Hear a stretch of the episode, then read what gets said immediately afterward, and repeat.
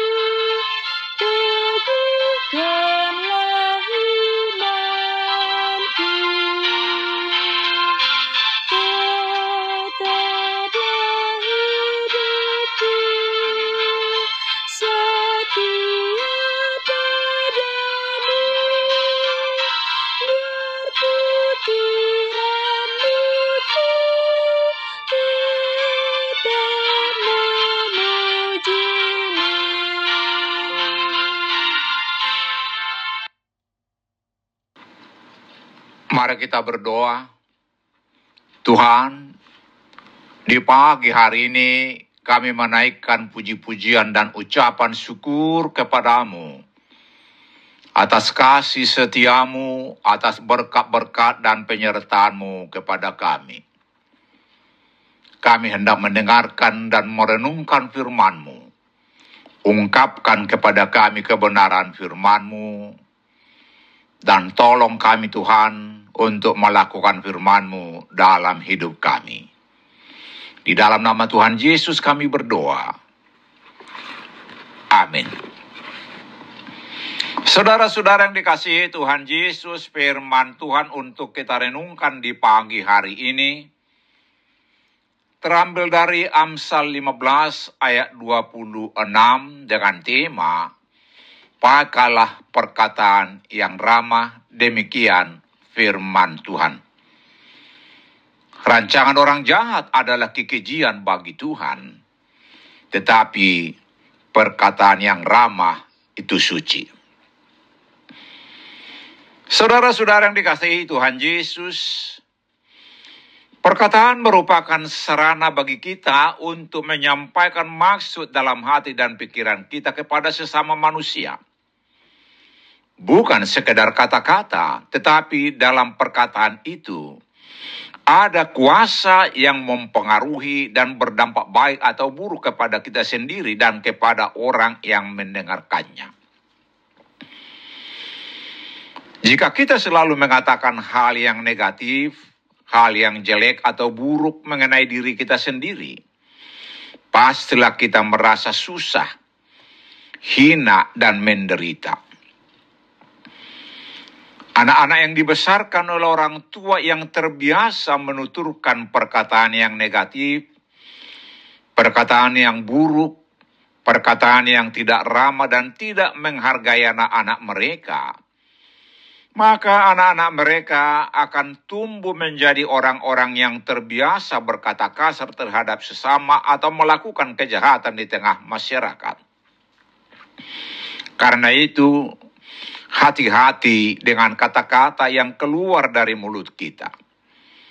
Dikatakan di Matius 12 ayat 36 dan 37, setiap kata sia-sia yang diucapkan orang harus dipertanggungjawabkannya pada hari penghakiman. Karena menurut ucapanmu engkau akan dibenarkan, dan menurut ucapanmu pula engkau akan dihukum. Saudara-saudara yang dikasihi Tuhan Yesus, dengan perkataan yang kasar, kejam, meremehkan, menghina, atau melecehkan, maka orang yang mendengarkan perkataan demikian akan merasa tersinggung, marah, dan bahkan dendam. Perkataan demikian sering memicu terjadinya perselisihan, perpecahan, dan hubungan yang rusak. Tetapi dengan perkataan yang lemah lembut, ramah, baik, menghargai atau menghormati, maka orang yang mendengarkan perkataan demikian merasa dihargai, merasa dihormati dan diterima. Perkataan demikianlah yang dapat melanggengkan hubungan di dalam keluarga, gereja, perkumpulan sosial, dan di tengah masyarakat di mana kita berada. Saudara-saudara yang dikasihi Tuhan Yesus, meskipun ada orang-orang yang memakai perkataan yang ramah dan lemah lembut untuk menyukseskan rancangan jahatnya, namun marilah kita tetap menuturkan perkataan yang timbul dari mulut kita, ialah perkataan yang dipenuhi kasih dan firman Tuhan Allah. Setiap orang yang merancang kejahatan pasti akan berakhir ke dalam kebinasaan kekal kelak di masa penghakiman dan hidup yang gagal atau tidak bahagia di dunia fana ini. Sebab Tuhan Allah sendiri pasti menghukum orang yang merancang kejahatan. Amin. Mari kita berdoa. Ya Tuhan, kami bersyukur Engkau memberkati kami. Kami mau menuturkan perkataan yang timbul dari hati kami yang dipenuhi kasih-Mu dan firman-Mu. Amin. Selamat beraktivitas hari ini. Tuhan Yesus memberkati kita.